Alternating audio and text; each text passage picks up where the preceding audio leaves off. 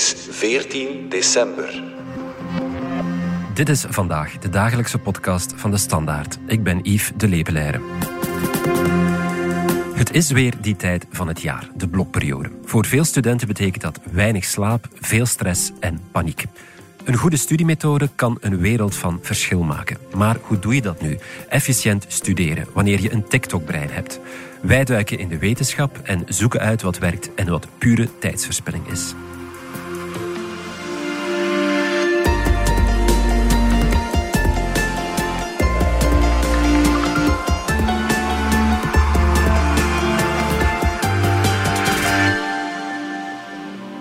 Maxi Eckert van onze wetenschapsredactie, welkom. Wat voor een student was jij? Nu moet ik uitkijken wat ik zeg, want ik weet dat mijn uh, promotor meeluistert van mijn masterthesis. Je bent al lang afgestudeerd. ik ben al heel lang geleden afgestudeerd. Wat voor een student was ik? Ik deed tijdens het semester niets. Alleen wat moest om laboratoria of zo voor te bereiden, maar mijn cursussen bleven echt dicht tot 1 december of 1 mei. Feesten als de beesten. Ook, ja. die cursussen laten liggen, dat kan tegenwoordig niet meer, hè, want er zijn veel meer evaluatiemomenten. Maar er is nog altijd een blokperiode waarin de stress natuurlijk toeslaat voor veel studenten. Was voor jou de aanleiding om eens te gaan kijken wat de wetenschap zegt over allerlei studiemethodes? We gaan het daar straks over hebben. Maar om te beginnen, wat me opviel in het artikel dat je daarover deze week hebt geschreven, was dat veel studenten eigenlijk gewoon niet weten wat ze concreet moeten doen om leerstof te studeren. En dat we eigenlijk nooit hebben geleerd hoe we moeten leren. Dat is toch raar? Ja, ik moet zeggen dat ik er ook wel van schrok. Collega Amber Janssens heeft met ervaren studenten erover gesproken. Dus dat zijn mensen die zijn nu 22, 23. En wat zij vertellen, hoe dat zij met vallen en opstaan hebben geleerd, hoe ze eigenlijk moeten studeren, dat zijn precies dezelfde verhalen als van in mijn tijd, van 20 jaar geleden. Ik vind het eigenlijk heel onthutsend dat zij dezelfde dingen verkeerd doen. Ja. En dat elke student voor zich het warm water moet eh, uitvinden. Inderdaad. En dat is ook wat ik hoor bij um, experts ter zaken, onderwijspsychologen, dat eigenlijk onze studenten niet leren hoe ze moeten leren. Ja, maar is toch bizar? Je zou toch verwachten dat dat een taak is van het middelbaar onderwijs, ook om je voor te bereiden op het hoger onderwijs? Ja, want op die manier wordt er wel veel tijd verspild, ook qua studietijd in het eerste en waarschijnlijk nog het tweede jaar van eh, studenten op de hogeschool of uh, op de universiteit. En op die manier falen misschien veel studenten die het inhoudelijk misschien best zouden aankunnen, maar gewoon de verkeerde methodes gebruiken. Ja, falen. En ik denk ook dat het zeker niet goed is voor de motivatie. Mhm. Want waar het eigenlijk op neerkomt, is dat er um, veel studiemethodes zijn, zoals het uh, bekende markeren met de fluo-stiften, je cursus bewerken of het samenvatten waarbij dat studenten wel het gevoel hebben dat ze goed bezig zijn, want ze zitten urenlang achter hun eh, bureau, maar ja, het levert weinig op. Ja, we gaan het daar straks nog uitgebreid over hebben, maar we gaan eerst het woord even geven aan de studenten zelf. Onze collega's Minke de Wilde en Cato van Rooij, die trokken naar een hogeschool en universiteit in Brussel en vroegen er aan een aantal studenten hoe zij blokken. Ik studeer sociaal werk. Ik pak vaak uh, mijn cursus en mijn uh, PowerPoint of slides. En dan probeer ik zo'n beetje een samenvatting te maken van beide. Maar ook belangrijke woorden apart nog op te schrijven op een notitieblok voor die je echt onthoudt. Toegepaste economische wetenschappen. Ik begin uh, misschien eerst met de opnames, lesopnames. En dan begin ik even samenvattingen te maken. Ik schrijf mijn oefeningen en de theorie ook over. Ja, ik schrijf het op. Het is graag beter in mijn hoofd, dus... Uh... Ik studeer handelsingenieur. Ik studeer vooral visueel eigenlijk. Ik schrijf niet superveel op. En ik probeer zoveel mogelijk herhalingsmomenten in te plannen. Handelswetenschappen. Ik doe mijn syntheses niet zelf. Ik print dat af van iemand anders. En dan, als ik naar de lessen ga, neem ik direct nota's op de powerpoints van de leerkracht. En mijn uh, samenvatting doe ik dat dan uh, fluo-stift, op wat dat de belangrijkste dingen zijn. Ja, ik studeer uh, social sciences aan de VB. Ah, wel, voornamelijk, ik vat veel samen. En van die samenvatting maak ik nog eens een samenvatting. Dus ik schrijf veel op en dan herhalen, herhalen, herhalen op die manier doe ik dat best. Ik studeer sociaal werk. Ik probeer de rode draad eruit te halen, een beetje zo wat te markeren. Maar ik gebruik eigenlijk de PowerPoint samen en mijn notities gebruik ik dan als aanvulling op de PowerPoint. Ja, ik begin daarmee om te lezen en dan zo aan memoriseren en vaak herhalen. Maxi, ik hoorde hier een aantal zaken vermelden die je zelf ook al hebt aangehaald. Markeren, samenvattingen maken, dat zijn blijkbaar de klassiekers. Het zijn de klassiekers en het zijn de dingen die je eigenlijk echt niet moet doen. Ja. En- Ik heb ze ook gedaan. Voor mij heeft het gewerkt, heb ik de indruk. En er zijn veel studenten die de indruk hebben dat het voor hen werkt. Maar de vraag is, heb je dan je tijd op de beste manier ingezet? Het wil niet zeggen dat je, als je die dingen doet, dat je dan niet slaagt. Maar misschien had je wel meer kunnen leren of hetzelfde kunnen leren binnen een kortere tijd. En had je gewoon meer vrije tijd gehad tijdens de Ja, examenperiode ja. en ook minder stress. Er is een wetenschappelijke uitleg waarom die dingen niet de meest efficiënte manier zijn. Leg dat eens uit. Dus het interessante is dat precies die zaken, fluor, met de fluorstift werken, samenvattingen maken, het herlezen van cursussen, blijven lezen, nog eens en nog eens en nog eens, dat zijn zaken die blijkbaar studenten overal ter wereld doen. Mhm. En daarom is ook eigenlijk heel goed bestudeerd of dat het werkt of niet. Dus er zijn heel veel onderzoeken rond. En als je dan kijkt naar die grote meta-analyses, dus waarbij dan wordt gezegd van eh, laat ons nu eens uitzoomen en kijken wat is er over bepaalde methodes geweten, dan zie je dat het markeren amper meerwaarde heeft of eigenlijk geen bewezen meerwaarde heeft. Hetzelfde met het samenvattingen maken. Over de samenvattingen wordt gezegd het zou een voordeel kunnen hebben voor studenten die getraind zijn in het maken van samenvattingen. Want goede samenvattingen is eigenlijk iets dat je moet leren. Ah, en niet dat Ja. iemand het een keer aan jou uitlegt en dan trek je je plan ermee. Maar nee, dat echt iemand uitlegt wat is een goede samenvatting, hoe maak je die, dan oefen je dat en krijg je ook feedback op de samenvatting die je hebt gemaakt. Dus dat is niet iets van een beetje knippen plakken uit de cursus. Nee, ja, je moet ook al hoofdzaak van bijzaak kunnen onderscheiden en dergelijke. Inderdaad, en hoe lang moet een samenvatting Ja. zijn? Want we hebben nu ook getuigenissen van studenten gehad die samenvattingen maken. En blijkt dat het toch nog honderden pagina's zijn. Dat is dan een samenvatting van een samenvatting maken. Ja. Dus dan ben je eigenlijk uren bezig met je samenvatting. En is de vraag van, had je in die tijd nu eigenlijk iets Ja. anders kunnen doen? Hetzelfde met herlezen. Dat kan averechts werken, want je leest een tekst, je herleest de tekst en op den duur herken je wel wat er in die tekst staat. Mhm. En krijg je de indruk, ah, ik, herken het, Ja. ik ken het. Maar dat is, een tekst herkennen is nog iets heel anders dan het zelf kunnen weergeven en vragen over de stof kunnen beantwoorden in een examen. Maar je moet toch beginnen met een cursus te lezen, vaak twee of drie keer. Zeker. En dan is het de kwestie, hoe lees je de tekst? Mhm. Als je de tekst passief leest, en ik denk dat heel veel luisteraars zich daar iets bij kunnen voorstellen, dat je aan je bureau zit, je leest de tekst en een half uur later denk je, ik heb nu van alles gelezen, maar ik kan eigenlijk, ik weet eigenlijk niet wat ik heb gelezen.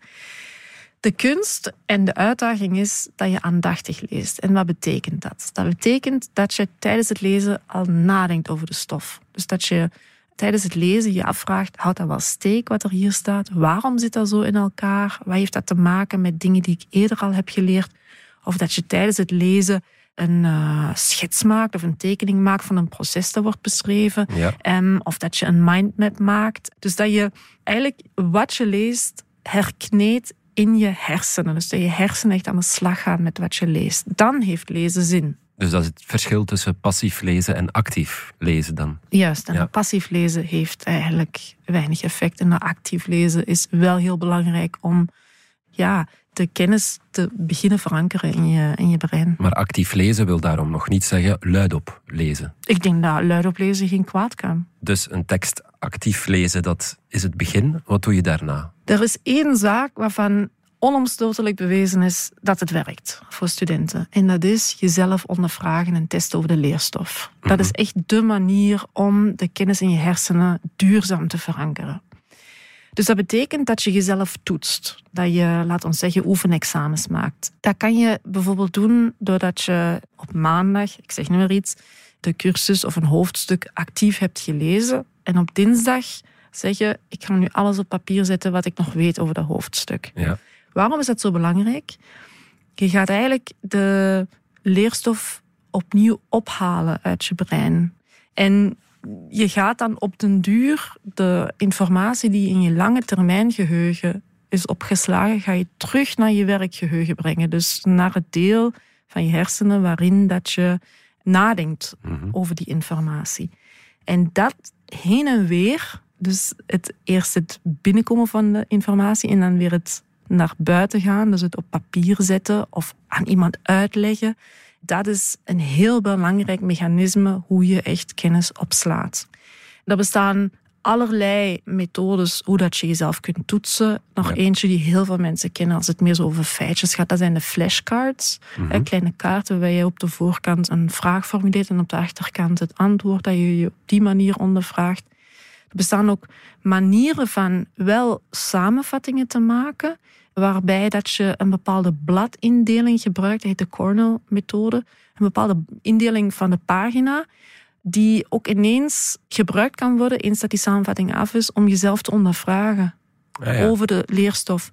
Maar dus, je hoort, het zijn zaken, dat is niet zomaar blind een samenvatting maken, een beetje copy-pasten uit de cursus, met het oog dan op aan de slag gaan met die samenvatting. Mhm. Dus dat de samenvatting eigenlijk niet een soort van eindpunt is, dit ga ik studeren, maar dat de samenvatting een beginpunt is van jezelf erover te ondervragen. Mhm. Nog iets waar veel studenten mee worstelen, denk ik, is de indeling van je studietijd. Hè. Studeer je uren aan een stuk? Studeer je de nacht door? Wat is daar wetenschappelijk bewezen? Ja, dat is een tweede ding dat heel duidelijk uit onderzoek komt. Dat het zeer zinvol is om de studietijd die je aan één vak besteedt, om die op te knippen in kleine eenheden. En dan liefst ook te spreiden over verschillende dagen. Mhm. Je leert op drie keer een half uur, dus laat dan zeggen maandag, woensdag, vrijdag, een half uur besteden aan één bepaald onderdeel van de leerstof. Mhm. Leer je meer dan wanneer je op maandag of op vrijdag anderhalf uur eraan besteedt. Ah ja. Het heeft ermee te maken dat je hersenen tijd nodig hebben om die kennis eigenlijk te consolideren. Om die echt ja, op te slaan. Dat is het werkgeheugen en het lange termijn geheugen dat je daarnet al aanhaalde. Ja, inderdaad. Ja. En net op zich, ja, ik weet ook wel dat veel studenten het er niet mee eens zullen zijn, de docenten wel. Uiteindelijk is het natuurlijk de bedoeling dat het allemaal in je lange termijn geheugen belandt. en dat je niet alleen voor je examen studeert. Maar goed, dus dat vereist natuurlijk wel dat je een goede planning maakt. Ja, voilà. Ja, En daar schort het. aan bij veel studenten. Hè? Ja. Last minute uitstelgedrag. Inderdaad.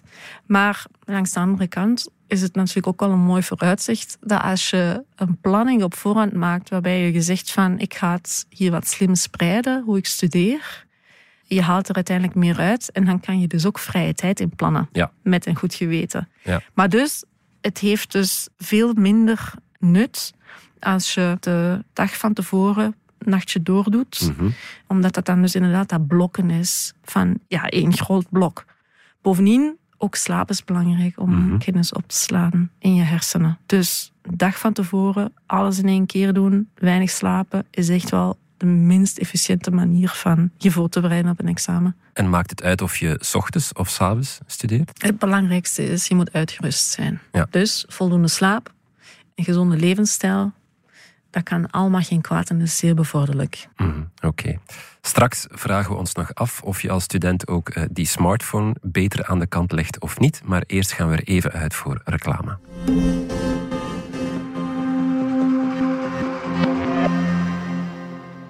Feit of fabel? Kan Netflix je geaardheid voorspellen? Ook wanneer je het zelf nog niet weet. Ontdek het antwoord in Overmorgen, een gloednieuwe podcast van DS Extra in samenwerking met Ads Data. Thomas Smolders ontrafelt al je vragen over data, privacy en gepersonaliseerde advertenties. Luister nu via de DS Podcast app of je favoriete podcastplatform.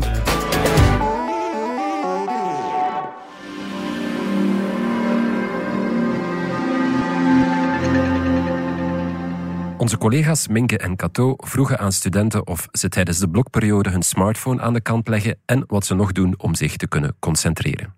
Voor mij is het wel een beetje moeilijk, want ik ben veel eh, op mijn gsm. Het is waar dat ik soms afgeleid word door mijn gsm. Dus heb ik eigenlijk geen echte oplossing gevonden. Ik probeer dat zo weg mogelijk van mij te zetten of aan een vriendin geven als ik studeer, dat ik er zeker niet op ga of eh, de notificaties afzetten. En gewoon kijken terwijl de pauzes. Mijn gsm lig ik eh, sowieso altijd ergens eh, buiten mijn bereik, dat ik daar niet aankom. Wat ik doe is alles dat ik dopamine geef, zoals Instagram, TikTok en Snapchat, doe ik dat helemaal weg. Zodat mijn brein kan al- leren dat alleen dat ik moet werken, anders zal een beetje iets anders doen. Van mijn gsm probeer ik altijd weg te leggen of zo. En ik ga ook vaak in de piep studeren of op school waar er minder afleiding is. Gewoon aan een tafel op mijn kot is het beste zonder iets rond mij, enkel mijn boek en mijn pc. Dat werkt het beste. Eh, ik persoonlijk wel in de bib, ja. Want thuis zijn, er, zijn mijn broers veel afleiding, mijn ouders ook. Dus het is een beetje moeilijk voor mij. Maxi, terug naar jou. Toen wij studeerden hadden wij geen smartphone. Hooguit een Nokia 3310. Veel kon je daar niet mee doen, behalve Snake spelen, herinner ik me.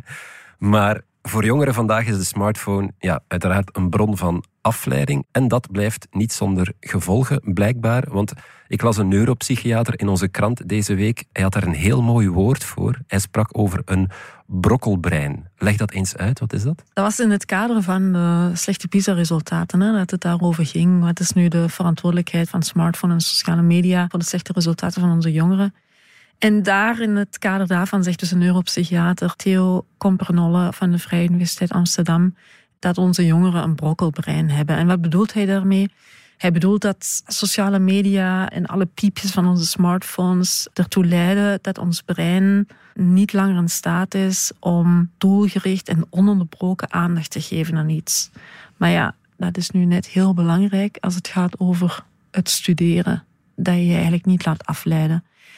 Want je moet weten dat als je studeert, en we hebben het er juist al gehad over het aandachtig lezen, ja, dat vraagt een inspanning van je werkgeheugen. Mhm.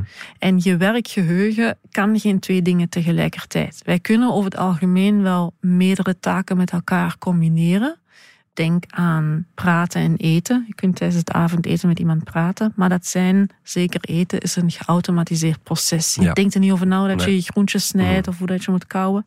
Maar als het gaat dus over zaken waar je echt over moet nadenken, kan je dat niet combineren. En ja, als je iets op sociale media bekijkt, je wilt iets posten, dan denk je erover na. En dat switchen, dat heen en weer, dat is heel belastend voor je werkgeheugen. Ja, ja. En dus dat, is, dat kun je eigenlijk niet combineren met studeren. Dus, overduidelijk, je kunt beter die smartphone aan de kant leggen. Ja, ik denk wel dat je best je smartphone weglegt. Het is natuurlijk wel een uitdaging, want kijk ook naar de computer. Ik denk dat veel studenten vandaag met de computer eh, studeren Ja. om dingen op te zoeken of omdat ze hun powerpoints of cursussen zelfs niet afprinten.